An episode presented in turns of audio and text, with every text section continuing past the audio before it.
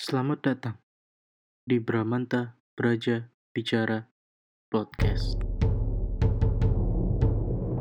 Sebelum mendengarkan episode ini, disarankan untuk mendengarkan episode sebelumnya. Karena episode pada kali ini masih berhubungan dengan episode sebelumnya. Matur nuwun.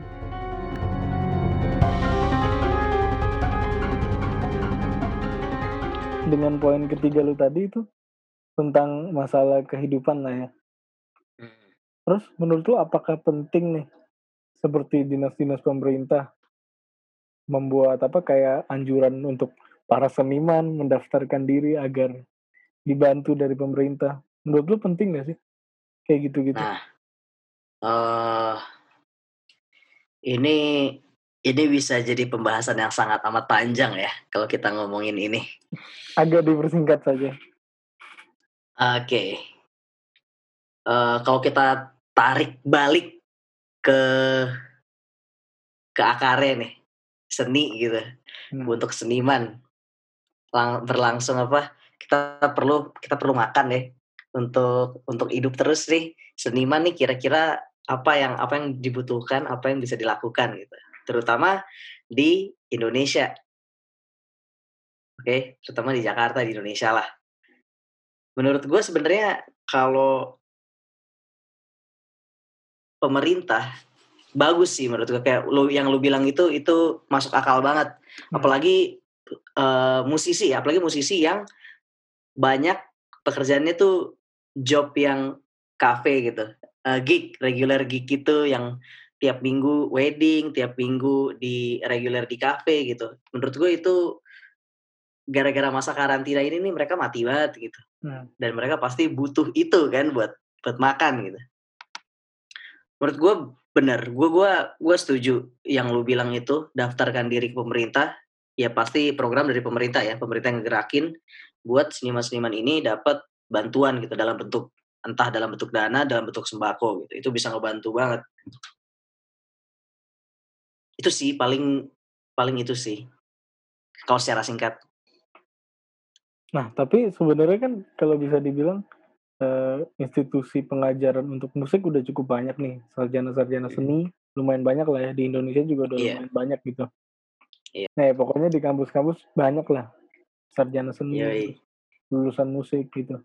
Mm-mm. Terus kenapa mereka nggak memilih untuk mengajar atau apalah eh, audio post mungkin kan masih bisa dilakukan di rumah gitu. Kenapa mereka masih memilih untuk melakukan gig reguler? Apakah fee-nya lebih besar?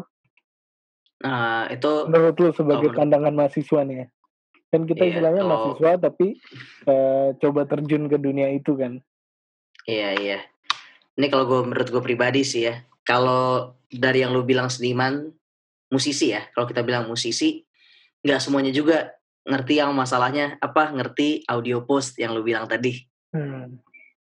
Itu mungkin beberapa ya mungkin nggak ya nggak banyak lah yang yang yang yang ngerti secara penuh gitu audio post itu. Kita juga masih masih belajar ya pastinya. Walaupun mata kuliah udah berakhir, tapi ya belajar nggak ada berhentinya kayak lu bilang tadi iya benar gue setuju banyak musisi yang yang sarjana yang lulusan sarjana bachelor of music sarjana seni dan lain-lain cuman kembali lagi kalau misalnya yang mereka ambil tuh selama ini apa gitu di kuliah Hmm. misalnya kalau bukan sound design itu ilmu mereka pasti kurang banget kalau mau ke sana gitu itu harus balik lagi dari nol lagi dong Hmm. kemudian eh kalau masalah kenapa mereka ngambil gig kenapa mereka nggak kerja aja gitu kayak lu bilang mungkin ya Hmm. audio post gitu Kantoran lebih lah ya istilahnya. Hmm, Audio hmm, post hmm. kan juga nggak selalu volley dan kawan-kawan. Bisa iya apa, iya bi- bis- bisa juga kayak mereka scoring juga kan bisa kan. Hmm, bisa juga mungkin mereka sebenarnya eh, film scoring, ya kan? Eh, musik untuk film atau musik untuk iklan gitu. Banyak banget sebenarnya kan. Sebenarnya banyak banget gitu. Cuman menurut gua itu tergantung sih balik lagi kepada mereka masing-masing. Apakah mereka mau? Karena kita juga nggak bisa bilang lu ngambil film scoring nih, musik untuk film, musik iklan, duit lu langsung gede. Kagak pasti ngerangkak juga dari nol. Mungkin mereka pengen yang udah emang udah stabil gitu, play safe aja. Gue reguler udah dapat segini, seminggu, sebulan segini, ya udah gue play safe aja di sini gitu menurut gue paling begitu sih kembali lagi Begitu. kepada setiap orang ya masing-masing Nah, tapi dari statement lu tadi ada yang menarik sih, Mo. yang mana nih Tentang orang kalau nggak belajar sound design bakal kurang pengetahuannya. Tadi lu sempat bilang gitu, itu maksudnya gue apakah gak bilang gitu gue gak bilang gitu men. dari statementnya gimana kira-kira? Lu buletin lagi oke jadi gini tadi kan lu lu sempat bilang eh musisi kenapa nggak ambil audio post aja Ya, ya. gitu kan tapi kan nggak semua musisi kalau bilang eh, audio post nggak semua musisi paham audio post itu apa Iya. mungkin mereka pernah dengar mungkin banyak orang pernah dengar nih audio post itu apa cuman kan kalau misalnya kita mau ngomongin secara akademis ya akademisi mereka belajar audio post lagi pasti kan dari nol lagi gitu nggak bisa langsung terjun ke audio postnya Hmm. audio post tuh apa gitu kan pasti Iya, mikir betul. lagi jadi balik lagi ke teknik perekaman lah kita belajar foley eh, sound effects mixingnya bagaimana dan lain-lain itu banyak banget Berarti orang paling yang begitu belajar di classical performance, terus di jazz and pop performance, atau di jurusan musik seperti apa ya kalau di luar tuh etnomusikologi. Berarti mereka Mhm. kurang mengerti audio post. kalau kalau kita lihat dari segi pandang yang mereka ambil selama perkuliahan gitu secara eh, akademik formal akademis gitu bisa dibilang ya mereka mung- mungkin mungkin ya pengetahuan terhadap audio post kurang lain cerita kalau misalnya di luar perkuliahan mereka belajar sendiri lah mereka ngambil course lah dan lain-lain gitu Mantap nih, Moe. Jos, apa kabar Jos? Baik.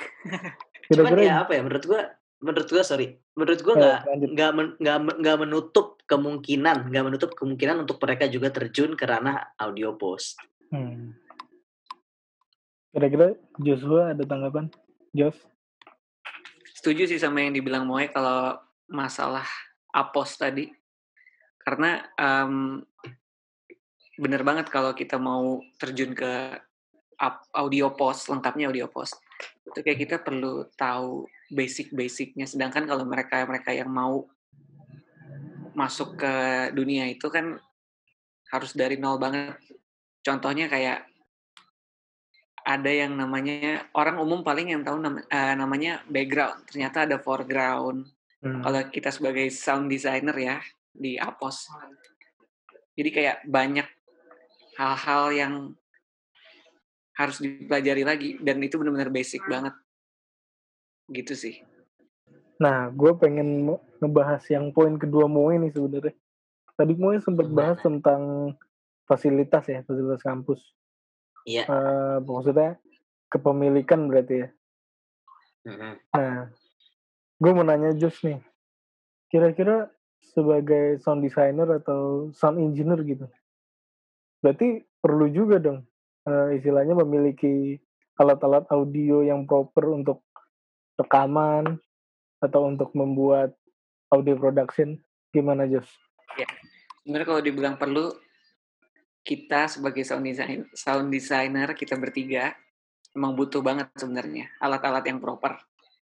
Cuma sekarang kan posisinya kita lagi di sebagai pelajar. Jadi kita kayak sekarang gunain apa yang kita punya aja dulu.